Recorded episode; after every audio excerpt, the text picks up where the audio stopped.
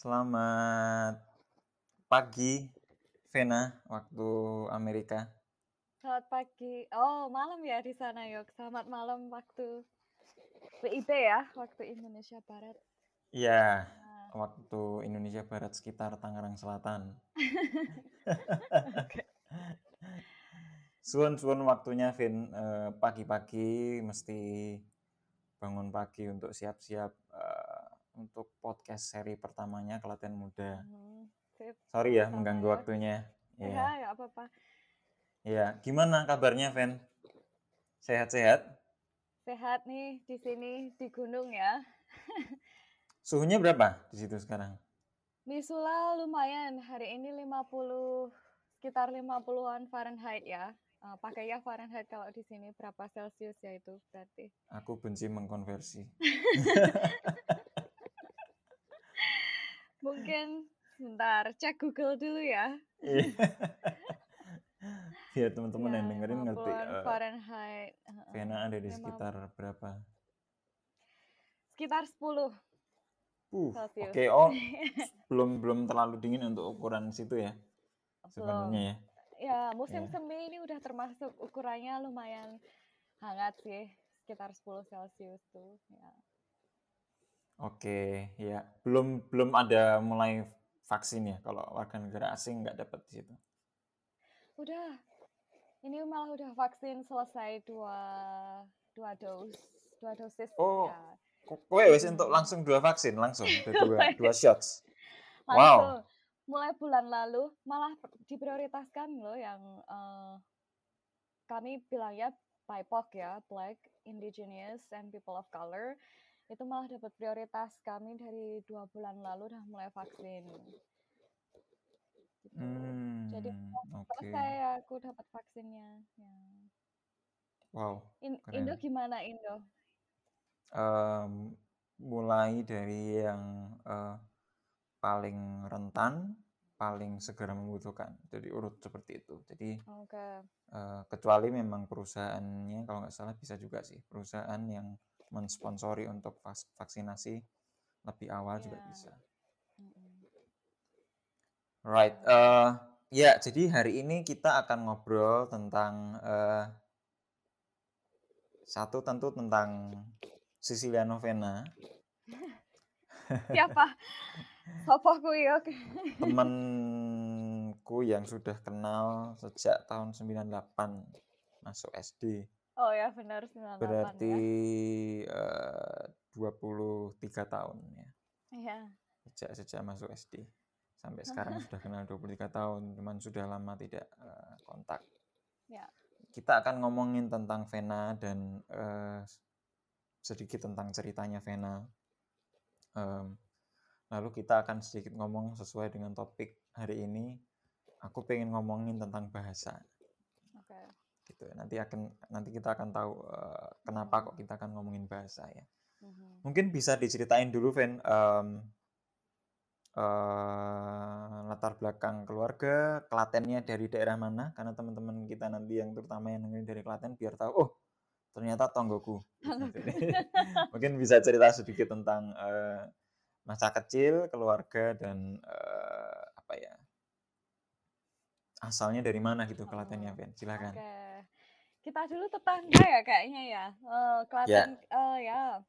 Kalau teman-teman tahu ya lah aku lahir dan besar di Belangwetan ya nama desanya ya. Jadi dulu sering jadi bahan ejekan teman-teman. Oh, berarti belang-belang karena dari Belangwetan ya itu lahir dan besar di sana. Bapak Ibu asli dari sana juga eh, tetangga ya Bapak Ibu dulu terus eh, Oh, dua-duanya orang Belangwetan. mm-mm, betul Hmm. Dua-duanya orang Belangwetan, cuman habis itu bapak merantau di Kalimantan lumayan lama ya. Jadi eh, dulu waktu kecil ya sering dengan ibu. Eh, Hmm. Terus apalagi ya punya satu kakak dan satu adik, Anak tengah. Ah, anak tengah. Eh, Mbak sama adikku dua-duanya masih di Klaten. Tuh, terus eh, lahir dan besar di sana sampai sekolah juga di SD Sugiyo Pranoto ya dulu sekolahnya. Dekat rumah lumayan dekat rumah sering nyepeda gitu waktu mulai kelas 3 SD masa kecil ya gitu. Terus yoga dulu di Gria Prima ya. Ya mungkin kalau jalan kaki mungkin kalau dari rumahku ke rumah Vena mungkin ya sekitar 20 menit, menit 20 oh. menit lumayan sih enggak karena, lah ya oh enggak sampai ya karena aku deket. di ujung agak utara oh, kalau rumah ya, Vena kan masuk Belang Wetan awal tengah-tengah ya. Ya, ya. agak tengah-tengah rumah ya, cukup dekat tetangga tetangga jauh. Ya, tetangga jauh. Iya. Itu aja sih, Yok. Masa kecil ya. tuh gitu. Iya, lalu masuk ke masuk ke SMP Panguti Luhur ya. Ya, masuk ke SMP kita... Panguti Luhur. Lalu kita sekelas terus kalau nggak salah ya, Ben? kelas B. Kelas B, kelas B. Ya, Terus mungkin lulus. Iya, saya bisa sedikit cerita uh, tentang Vena sejak SD mungkin dia sengaja men-skip bagian itu. Uh, eh, SD itu kita rivalry-nya cukup ketat uh, yeah. di iya. kelas yang tidak ada kelas paralel ya, Vin. Kita hanya satu yeah. kelas yang yeah. kenal orang yang sama dari kelas 1 sampai kelas 6. Sampai kelas 6. Asik ya Sampai tapi. kelas 6. Iya, uh. jadi benar-benar kenal uh, dari uh. belum bisa menghitung sampai lulus SMP pada akhirnya. Um, lalu setelah itu kita pisah sekolah, Vin. Kita beda jalan karena kamu nggak bisa ngikut ke sekolahku. Kebetulan sekolahku cowok semua. Cowok semua. Oke, boleh mungkin boleh cerita SMA-nya di mana dan waktu itu uh, ngambil jurusan apa gitu.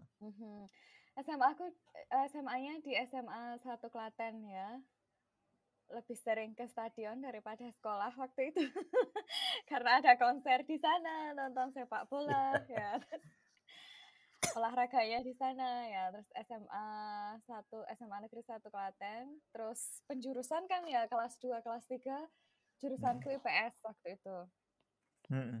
terus uh, mulai aktif uh, ikut English Club waktu itu di sana ada English Club ya di SMA sama KIR karya ilmiah remaja mm-hmm. cuman akhirnya yang KIR nggak terlalu lama ikutnya lebih tertarik ke bahasa sih.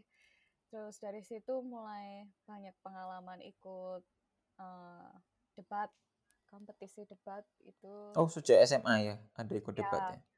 debat bahasa Inggris sejak SMA uh, tim kan ya waktu itu lumayan lumayan seru karena kita timnya cukup konsisten ya dari kelas kelas 1 sampai kelas 3. Jadi uh, cuman mungkin ada beberapa kali ganti anggota tapi ya itu kami ikut kompetisi debat yang paling jauh di Semarang sih. Jadi levelnya masih provinsi waktu itu kami yang paling mentok. Wow. wow. Terus dari situ mulai merasa tertarik bahasa sama akuntansi sih waktu SMA ya. Oh iya? Ya, wow. dulu Dulu waktu lulus sempat daftar di itu apa Bank Niaga kan ada rekrutmen ya beasiswa sekolah di Malaysia. Uh, sempat ikut tesnya sampai tahap terakhir uh, gagal di FGD. Focus group discussion. Terus akhirnya Oke okay lah, kayaknya memang minatnya lebih ke bahasa dan bakatnya lebih ke sana. Terus uh, setelah lulus SMA lanjut ke PBI di pendidikan bahasa Inggris di Sanata Dharma. Terus kita kayaknya jadi tetangga lagi ya, karena yoga di Atma Jaya, saya di Sanata yeah. Dharma. ya. Gitu. Yeah. Tetangga cukup dekat kalau ngitungnya dari kampus satu Atma Jaya uh, dengan kampus Mericannya ya. Sanata Dharma. Iya. Iya. Nah, itu, itu sebenarnya ada ada ada pertanyaan yang cukup uh, sudah lama ingin ditanyakan uh, karena aku tahu Vena itu sejak kecil, sejak SD itu kuat di matematika, maka wajar senang dengan akuntansi dan um, kuat juga di bahasa. Bukan hanya bahasa Inggris yang karena sekarang dia lulusan bahasa Inggris, tapi juga bahasa Indonesia dan bahasa Jawa. Sebenarnya hmm. Vena jauh lebih jago bahasa Jawanya bahasa daripada Jawa. aku. Iya. Meskipun aku yang ditunjuk lomba uh, untuk uh, ya? puisi Jawa geguritan, hmm. tapi sebenarnya sehari-hari karena kalau aku di rumah kebanyakan pakai bahasa Indonesia sehari-hari. Hmm. Kalau Vena di rumah pakai bahasa apa, Ven? Bahasa Jawa, ngobrol sama bapak ibu sama keluarga bahasa Jawa. Uh, nggak kromo sih, lebih ke ngoko ya, ngobrolnya pakai bahasa Jawa. Ngoko halus. Hmm. Uh, cuman ibu itu, ibu kan bahasa Jawanya masih sangat kental ya, jadi dari kecil emang belajar nulis aksara Jawa yang kayak itu dengan ibu. Jadi ya memang bahasa Jawanya lebih lancar. Terus kalau ada uh, dulu kan sering ikut itu ya doa lingkungan yang kegiatan-kegiatan lingkungan itu semuanya pakai bahasa Jawa Kromo kan. Jadi memang lebih lancar bahasa lebih lancar bahasa Jawa daripada bahasa Indonesia. Karena bahasa yeah. Indonesia kan belajar di sekolah ya. Kalau bahasa Jawa dari kecil. Kalau dengan teman-teman uh, sepergaulan di di desa Belangwetan itu kebanyakan pakai bahasa Jawa juga ya Jawa lah ya selalu Moko Ngoko ya. oh, Jawa ngoko. Iya. Jadi bahasa Indonesia itu cuma dipakai pas sekolah. Hmm. Waktu kecil iya. itu. Itu yang membuat Vena sebenarnya bahasa Jawanya itu menurutku kalau di kelas itu mungkin yang paling bagus ya di kelasku ya seingatku kalau bahasa Jawa terutama kalau udah kromo itu uh, seperti sangat fluent menurutku karena kalau aku textbook jadi aku belajar dan aku mendengarkan dari papaku memang bahasa Jawa kromonya bagus. Tapi kalau Vena kayaknya udah fluent gitu kromo itu. Ya nggak fluent juga sih, lumayan lah ya. ya, tapi memang itu bahasa ibunya kali ya, bisa dibilang bahasa yeah. ibunya bahasa Jawa ya. Iya. Yeah. Mm -hmm. Nah, itu kan lalu kuat di bahasa dan kuat di matematika, maka aku aku ngerti lah waktu SMA. Meskipun kita nggak pernah ketemu ya, setahu tidak nggak pernah ketemu waktu SMA. Nggak. Kayaknya nggak pernah. Uh, baru ketemu 2016 ingatku. 2016 waktu kita setelah, ke SC ya. Iya, setelah, setelah uh, aku lulus uh, dari masters. Manchester yeah. ya dari Manchester. Iya. Yeah. yeah. Ya itu cukup lama. Nah, itu uh, cukup nggak ngerti uh, perkembangannya Vena seperti apa. Tapi sebenarnya sempat dengar bahwa Vena memang kuliah di uh, Sanata Dharma itu jurusannya di pendidikan bahasa Inggris atau di sastra Inggrisnya, Fen? Jurusannya di pendidikan bahasa Inggris. Ya. Pendidikan bahasa Inggris. Hmm. Apa waktu SMA itu kepikiran, oke, okay, kalau pendidikan kan mau pendidikan bahasa Inggris, pendidikan yang lain kan arahnya ke guru ya, atau pendidik lah, atau dosen, ya. pokoknya arahnya ke pendidik. Setauku ya, Vena itu waktu kecil cita-citanya ada dua kalau nggak salah ingat. kalau nggak jadi suster, suster biarawati ya. Kayaknya memang juga suka jadi guru juga kalau nggak salah ingat. Aku udah agak cukup lama. Iya ya. Sebenarnya nggak ada cita-cita spesifik pengen ngajar atau apa gitu ya waktu itu. Cuman dari SMA kan sering uh, apa ngasih tutoring juga ke uh, bahasa Inggris ya ke tetangga aja hmm. waktu itu privat gitu. Terus yeah. trial. Sakit tangga nih jadi bahan trial. Ya uh, ngelesin bahasa Inggris itu aja kan terus nggak uh, ada cita-cita spesifik yang pengen jadi guru atau apa gitu. Ya kalau jadi suster waktu SMP kan ditanyain gitu ya mau jadi suster? gitu. Terus juga mau ya mau jadi romo. Romo nih anak-anak. Ya ya sampai SMA terus uh, ya itu aja lebih sering uh, lebih sering ngasih ngelesin tetangga kayak gitu terus uh, tapi memang dulu minatnya malah lebih besar di akuntansi loh. Aku uh, melihatnya pengen coba aja karena bahasa kayaknya bisa dipelajari sendiri yang kayak gitu kan. Terus pengen ke akuntansi aja terus tapi nggak keterima kan waktu itu nggak lolos. Terus ya oke lah lanjut ke bahasa tapi memang apa ya ada ada passion kan sekarang sebenarnya Vena juga teaching ya di US ya. ya. Uh, memang kerasa ada ada ada kepuasan tersendiri ya kita waktu teaching gitu ya. Membuat orang menjadi paham sesuatu itu. Merasa itu enggak dari kecil.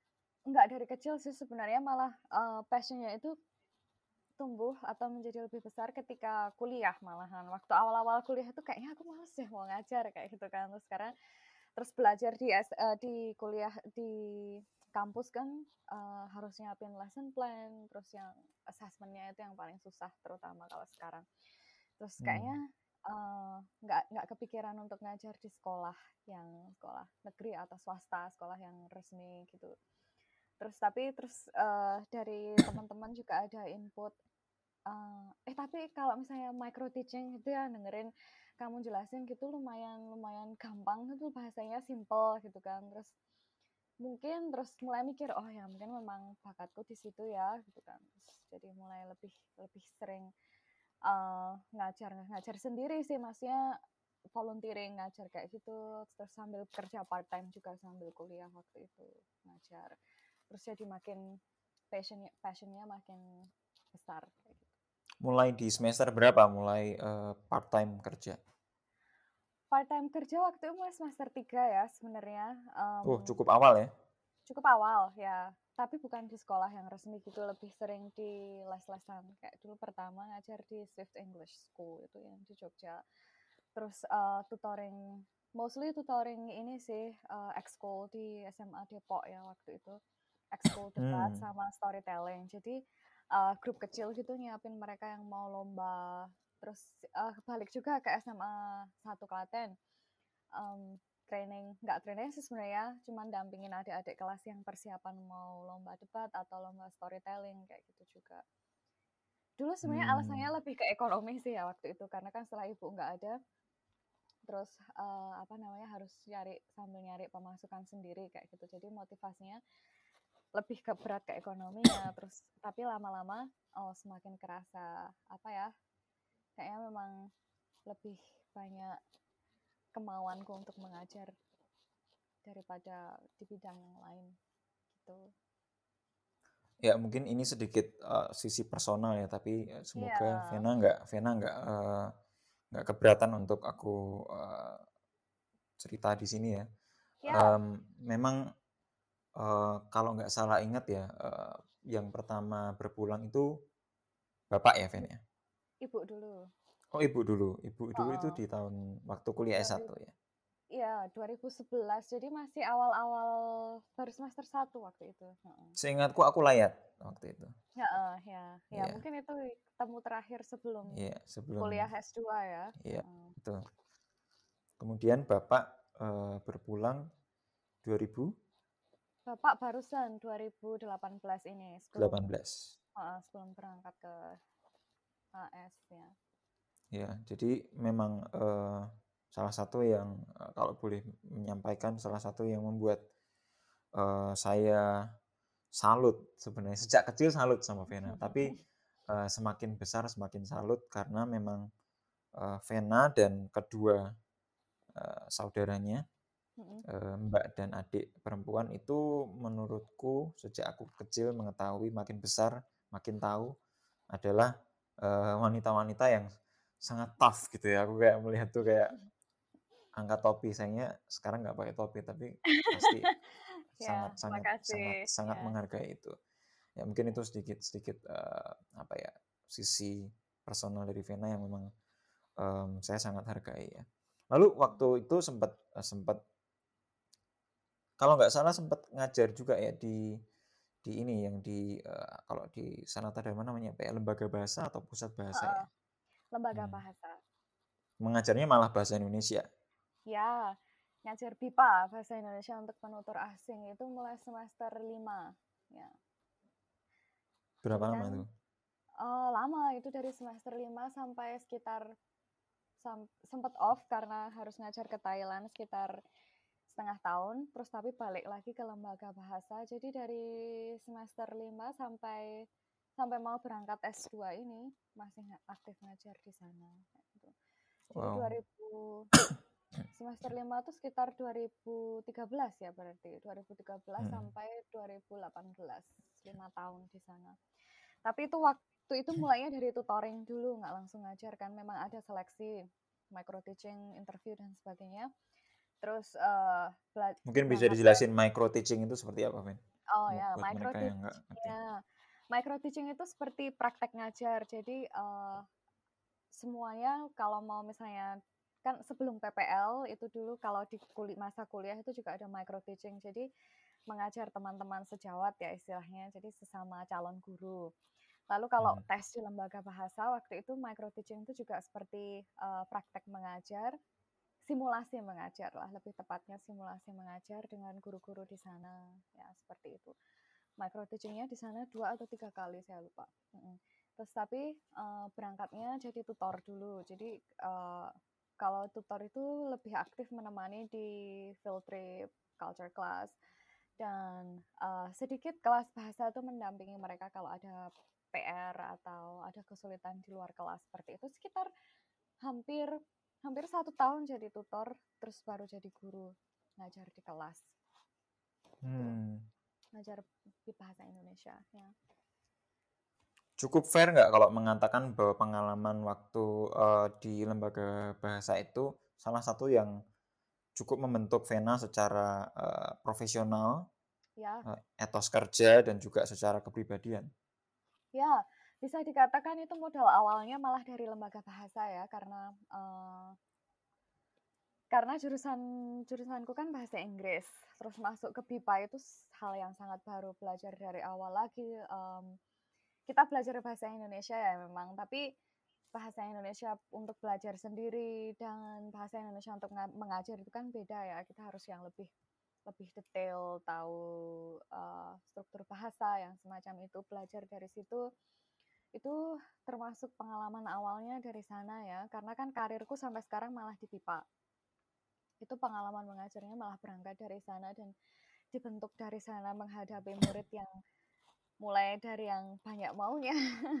Karena mereka kan mereka merasa ya customer kan gitu ya memang uh, aku pengen tahu detail dan memang nggak nggak murah kelasnya kayak gitu kan terus ya. Jadi kok kenapa orang di sana ngomongnya beda dengan bahasa formal yang diajarkan di kelas? Jadi di situ belajar menghandle um, banyak murid dengan personality dengan tipe belajar yang berbeda. Jadi istilahnya belajarnya malah dari lapangan seperti itu.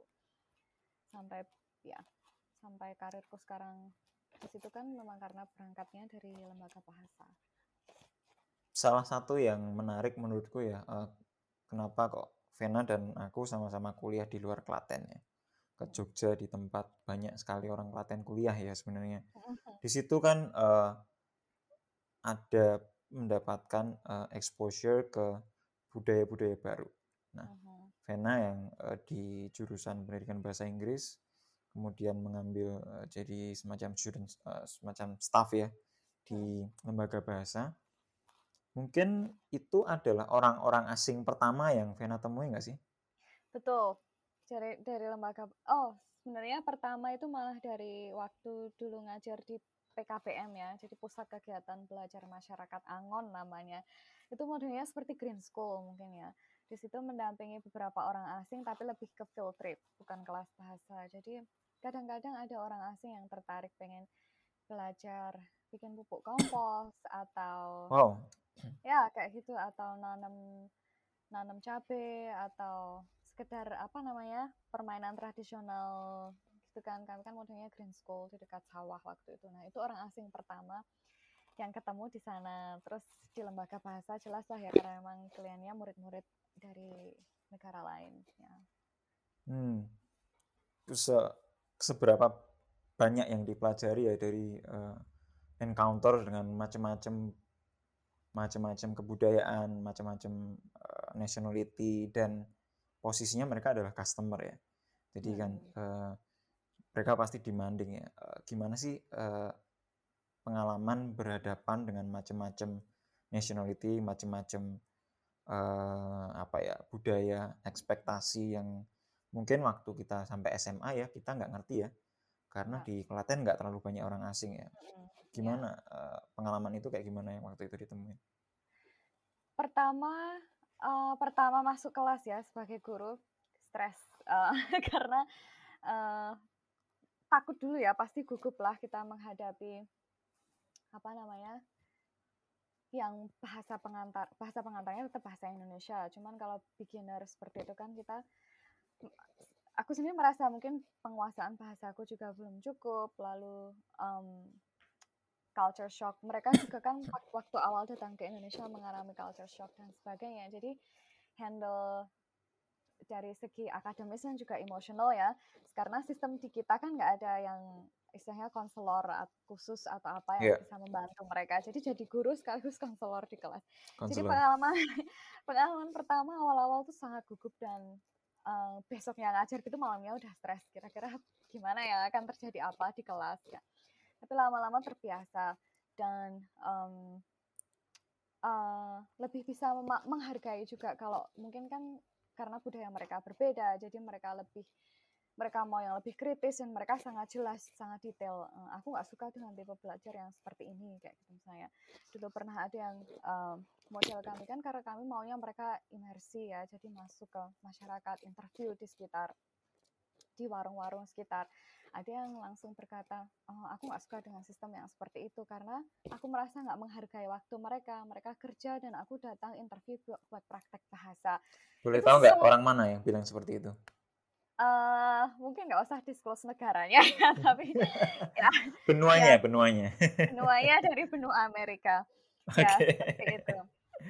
Jadi mereka sangat terang-terangan yeah. karena aku merasa nggak menghargai waktu mereka. Itu satu hal yang nggak pernah kami pikirkan sebelumnya, tapi bisa jadi Tuh. pertimbangan. Terus uh, terus akhirnya kami solusinya uh, memang orangnya yang didatangkan ke lembaga bahasa, jadi memang ada jadi nggak impromptu yang seperti itu jadi mereka oh kalau gitu nggak apa-apa maksudnya aku merasa memang mereka memang menyediakan menyiapkan waktu, waktu itu.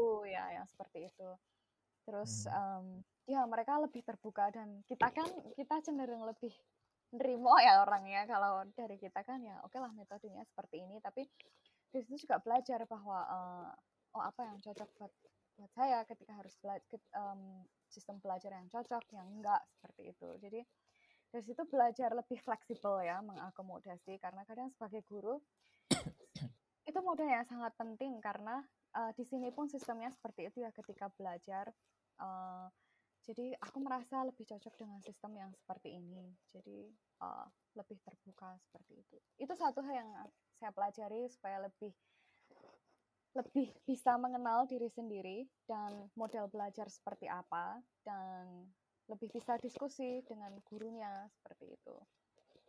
Gitu. Ya, uh, itu kan hal yang berbeda ya dengan dengan mungkin kita 12 tahun sekolah di Klaten ya. Uh, mm -hmm. Ketika dibalik menjadi guru untuk orang-orang asing yang uh, kebanyakan kalau orang asing ini sudah datang ke negara lain Indonesia dalam konteks ini itu mereka uh, sudah membuktikan satu hal bahwa mereka terbuka terhadap budaya baru yang sama sekali baru buat mereka. Mm-hmm. Nah, maka kan kita juga jadi dipaksa ya, Ven, dipaksa untuk mm-hmm. mesti terbuka juga orangnya. Jadi orangnya mesti cukup yeah. fleksibel, mesti mesti bisa terbuka. Dan saya pikir itu penting ya, Ven, apa ya? Untuk orang cukup fleksibel, orang itu nggak kaku, orang itu cukup terbuka terhadap hal baru dan menghargai perbedaan. Itu sih kayaknya yeah. penting banget ya dipelajarin yeah. dari situ. Termasuk juga salah satu uh, budaya yang paling ini ya uh, dari benua lain ini bukan di Amerika bahwa uh, kita mungkin di Indonesia biasa ya touching uh, pegang murid kita di bahu atau apa atau misalnya bantu mereka nyebrang. Nah di budaya lain itu satu hal yang dianggap melanggar privasi mereka ya. Jadi kadang di kelas pun seperti itu atau membantu mereka menyeberang jalan di Indonesia yang kayak gitu bisa mungkin dihindari menyentuh physically. Karena itu bagi kita mungkin hal yang biasa atau guru ya dulu kita SD gimana kadang guru kan ya kayak gitu ya. Maksudnya sama murid dekat kayak gitu tapi uh, itu satu hal yang dianggap melanggar privacy jadi itu satu hal yang belajar juga jadi istilahnya banyak mengerem banyak rules baru yang dipelajari Hmm, ya. Um, lalu kan tadi Vena sempat cerita uh, hampir setengah tahun kalau nggak salah di Thailand. Aha, betul. Mungkin bisa cerita sedikit tentang chapter di Thailand karena kita ada share similarity nih. Aku juga lima bulan lebih sedikit di Thailand. Mm-hmm. Nah, tapi mungkin di waktu yang tidak bersamaan, mungkin Vena bisa iya. cerita yeah. waktu itu program apa di di yeah. sebelah mananya di Thailand ya? Ya, uh, aku enam ya enam hampir enam bulan ya atau enam bulan lebih dikit itu di Ayutthaya itu programnya dari waktu itu namanya masih PPSCK ya pus ya PPSCK Pusat Pengembangan Strategi dan Diplomasi Kebahasaan. Itu termasuk program baru. Waktu aku gabung di tahun 2016 itu dia baru tahun kedua mengirim guru BIPA ke luar negeri. BIPA itu bahasa Indonesia untuk penutur asing. Ya jadi istilahnya mengirim guru BIPA ke luar negeri. Programnya mostly di uh, sudah mengirim ke banyak negara sih waktu itu, tapi sekitar berapa ya, 60-an guru mungkin yang direkrut. Itu uh, prosesnya sama mendaftar, lalu ada seleksi, seleksi lolos, lalu kami ada pelatihan selama 10 hari ya total di Cisarua, Bogor waktu itu. Hmm. Uh, hampir setiap hari kami praktek mengajar juga ya di sana. 10 hari itu mulai dari jam 8 pagi sampai jam 10 malam hmm. pembekalannya. Terus baru berangkat ke Thailand untuk mengajar bahasa Indonesia di sana. Agak pusing juga sih karena sekolahnya sekolah teknik ya. Dan um, nggak bermaksud underestimate atau gimana, tapi memang exposure bahasa Inggrisnya cukup minim juga di Ayutthaya dan um, itu termasuk salah satu yang mereka targetkan ya merekrut guru bahasa Inggris yang native speakers buat murid-muridnya. Jadi di sana ngajar enam bulan di sekolah teknik itu latar belakangnya karena mereka ada exchange dengan universitas di Malang ya sebagian besar mahasiswa college, college sistemnya di sana itu college jadi seperti SMK lanjut diploma jadi mereka mengirim murid ke Indonesia juga. Jadi persiapan untuk pengiriman, cuman istilahnya kan harus persiapan untuk istilah-istilah teknik dan sebagainya seperti itu. Jadi bahasa Indonesia-nya lebih spesifik. Tapi ada juga yang kelas beginner, yang mulai dari perkenalan seperti itu. Itu aja sih hampir enam bulan di sana ngajar. Sambil ada orang Indonesia ya. lain juga? Enggak, uh, yang di Ayutthaya sendiri tapi yang, di yang dikirim ke Thailand waktu itu bersama enam orang, tapi tersebar di provinsi yang berbeda. Jadi enam orang itu di provinsi ada yang di utara, ada yang di selatan. Ya, Ayutthaya itu sedikit di tengah, agak dekat dengan Bangkok, sih sekitar tiga jam naik yeah. ke Bangkok. Itu. Iya, mungkin kita bisa bicara sedikit tentang uh, tentang Thailand nanti ya, tentang hmm. chapter Thailand itu. Uh, Eh, tapi kan itu itu sebenarnya menarik sekali ya karena uh, soal bahasa di sana itu uh, bahasa Inggris kayaknya secara overall masih lebih mending sedikit kita ya. Meskipun yeah, kita juga betul. ya, ya. Nanti mungkin waktu kita ngomongin bahasa kita akan balik lagi ke chapter yang Thailand. Hmm. Nah, lalu uh, aku juga pengen uh, ngobrol tentang uh, setelah itu kan Vena sempat bekerja ya sebelum S2. Ya, sebelum S2 kerja lumayan lama sih. Karena lulus kuliah kan Januari 2015 ya. Sampai lanjut S2 2018. Jadi ada gap sekitar tiga tahunan gitu sebelum lanjut S2. Yang dikerjakan apa aja di situ, Ben? yang dikerjakan nyari-nyari kerjaan. Ya, uh, waktu habis lulus 2016 itu ke Thailand, terus sempat dari lembaga bahasa juga karena memang aku penasaran ya orangnya pengen belajar bahasa Mandarin juga terus sempat belajar bahasa Mandarin tiga bulan lalu ke Taiwan hampir sekitar satu bulan sih waktu itu um, oh ke Taiwan juga ya? Ya. Oh ke Taiwan di Wenzhou Wenzhou Wenzhou itu di daerah mana? Kaohsiung oh selatan ya? Ya Kaohsiung tuh Iya, sekitar selatan mungkin ya geografiku. Kaohsiung selatan. Iya. ya, oke. Taichung tengah, Taipei utara.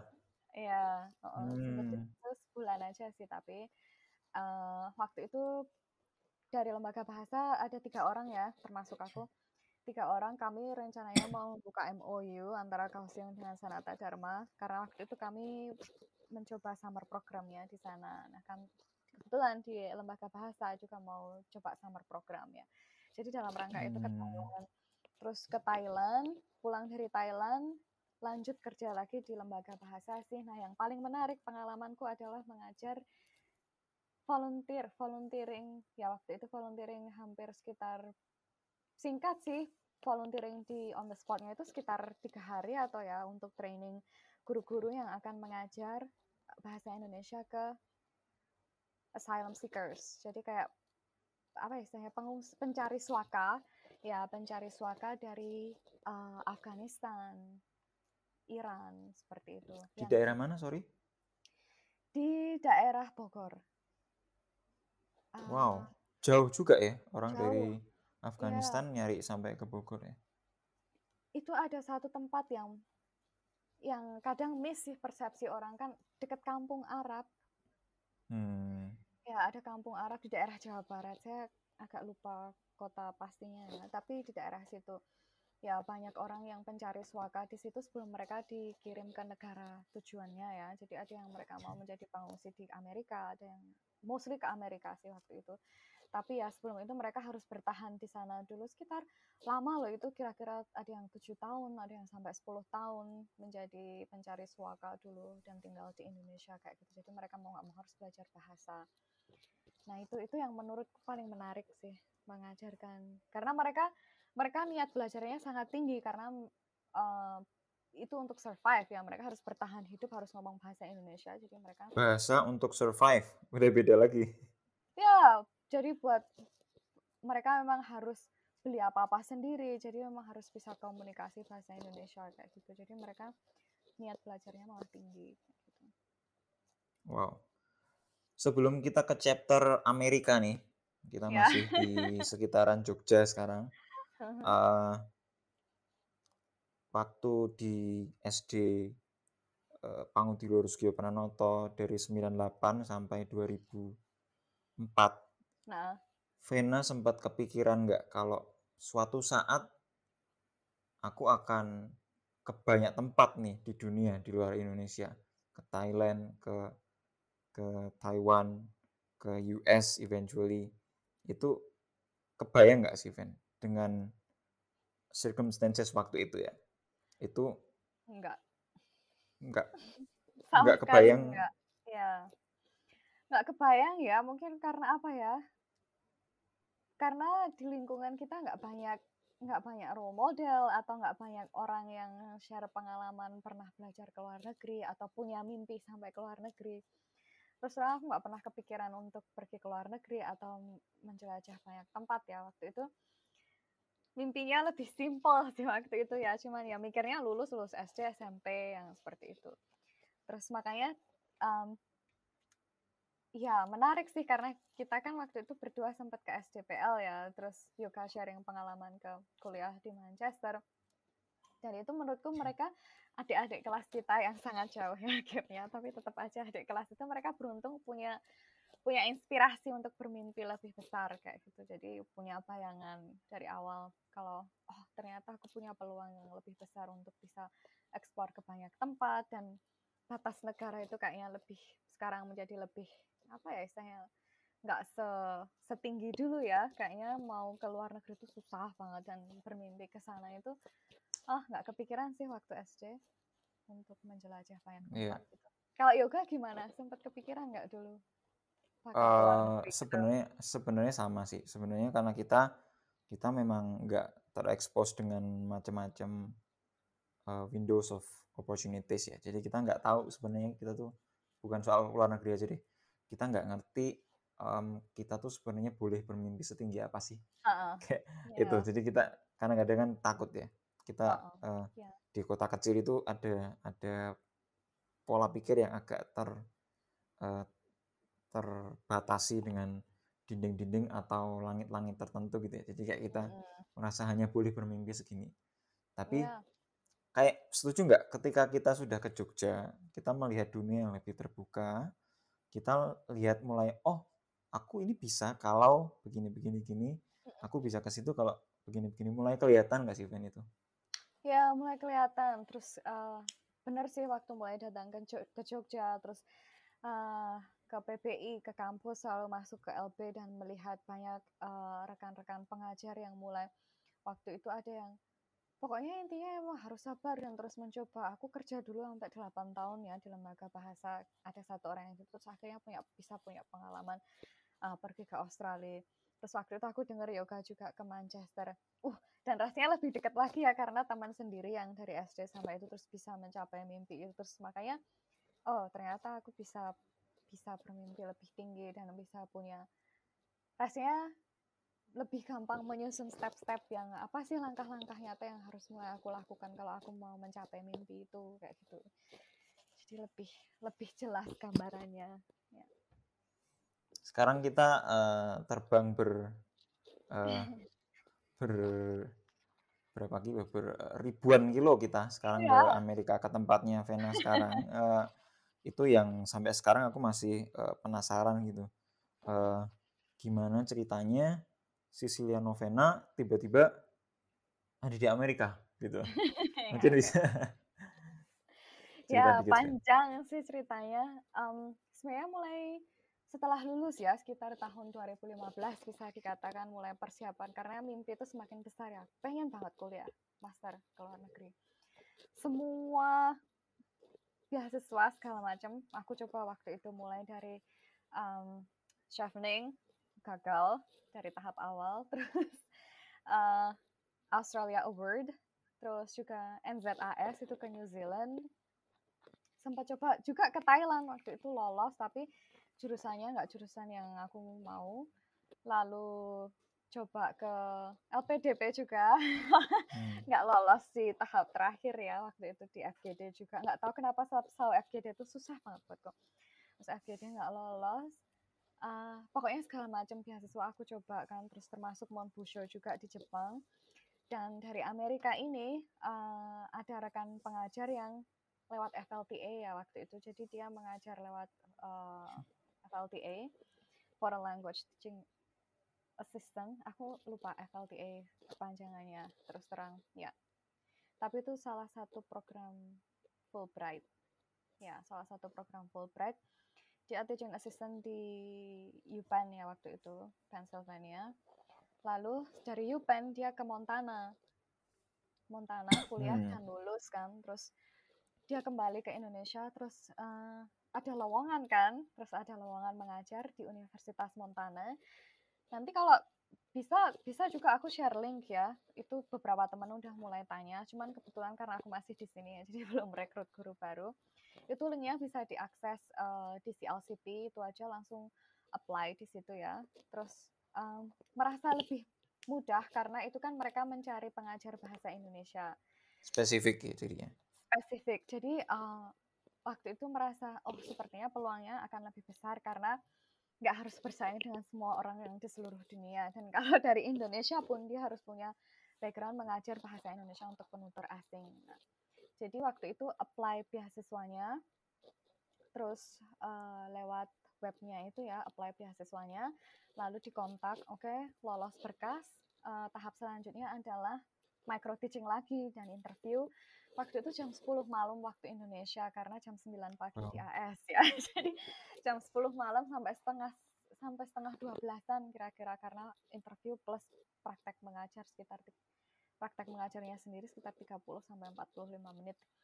Terus, eee, mengajar selesai, terus saya kurang tahu, tapi sepertinya ada sekitar 50-an berkas yang masuk. Waktu micro teaching hanya ada 5 orang. Lalu yang diambil akhirnya hanya 1 orang. Jadi termasuk sangat beruntung ya waktu itu bisa lolos, terus, mmm, dan sistem mereka adalah teaching assistantship. Jadi aku ngajar bahasa Indonesia, terus dapat beasiswa master di sini, kayak gitu. Itu awal mulanya bisa terbang dari Belangwetan ke Belangwetan. dari Belangwetan ke AS, ya seperti itu. Ya. Jadi sebenarnya, eee, sudah cukup banyak mengetuk pintu macam-macam ya, sampai akhirnya Ya. sampai akhirnya ada pintu yang dibuka gitu ya. Itu Heeh. menurutku, eee, aku cukup mudah, eee, cukup dipermudah dan diberkati, eee, tidak mengetuk banyak pintu, sudah ada yang bukain dan itu menurutku, eee, Iya. patut disyukuri ya, eee, dan akhirnya keterima juga di situ, itu menurutku sih pengalaman yang luar biasa dan Iya. berkat yang luar biasa. Nah, di situ ngajar ngajar apa, Ven? Ngajar bahasa Indonesia juga di sini, ya. Karena memang, eee, programnya kan waktu itu, eee, di sini sebenarnya, mmm, lembaganya atau di CLCP sendiri mengajar banyak bahasa ya, mostly critical languages, itu bahasa yang yang untuk militer AS dianggap sebagai bahasa yang kritikal. Eee, waktu itu saya sempat bertanya sih, kan penasaran ya, kenapa bahasa Indonesia masuk critical languages, one of the critical languages. Terus mereka bilang, mmm, itu akan berganti-ganti memang sesuai keputusan Departemen Pertahanan, tapi yang pasti kekuatan ekonomi satu negara itu menjadi pertimbangan. Yang kedua, kedekatan kerjasama militer negara itu dengan militernya Indonesia. Nah, Indonesia kan termasuk angkatan lautnya punya kerjasama yang kuat ya dengan, eee, Navy-nya di sini. Hmm. Terus, mmm, karena itu bahasa Indonesia masuk, ya bahasa Indonesia, Korea, Mandarin, Ira, uh, Pashto, Iran, Arab, ya banyak sekali yang diajarkan. Tapi waktu itu lowongannya memang lowongan mengajar bahasa Indonesia. Nah jadi terus sedikit optimis, at least persaingannya nggak akan sekian juta orang di dunia kayak gitu ya. Terus jadi ada ada lowongan dan harus punya kalau nggak salah waktu itu salah satu syaratnya punya pengalaman mengajar pipa at least dua tahun. Terus uh, jadi dan kamu saat itu sudah punya lima tahun. Bertahun lima tahun ya kan? ya jadi udah lumayan aman ya. Terus terus mendaftar itu di sini ngajar bahasa Indonesia untuk main customernya itu uh, special force ya pasukan khusus Kopassus ya main customernya Kopassus tapi kadang-kadang ada tutoring juga untuk angkatan laut uh, mostly angkatan laut di sini ya gitu nanti akan kita bahas lebih lanjut mengenai S2-nya di sana uh-huh. dan hubungannya dengan apa yang diajarkan di part kedua ya Ven ya oke kita cukupkan dulu untuk yang part pertama ya. Oke siap. Ya yeah, thank you. Sama-sama yuk makasih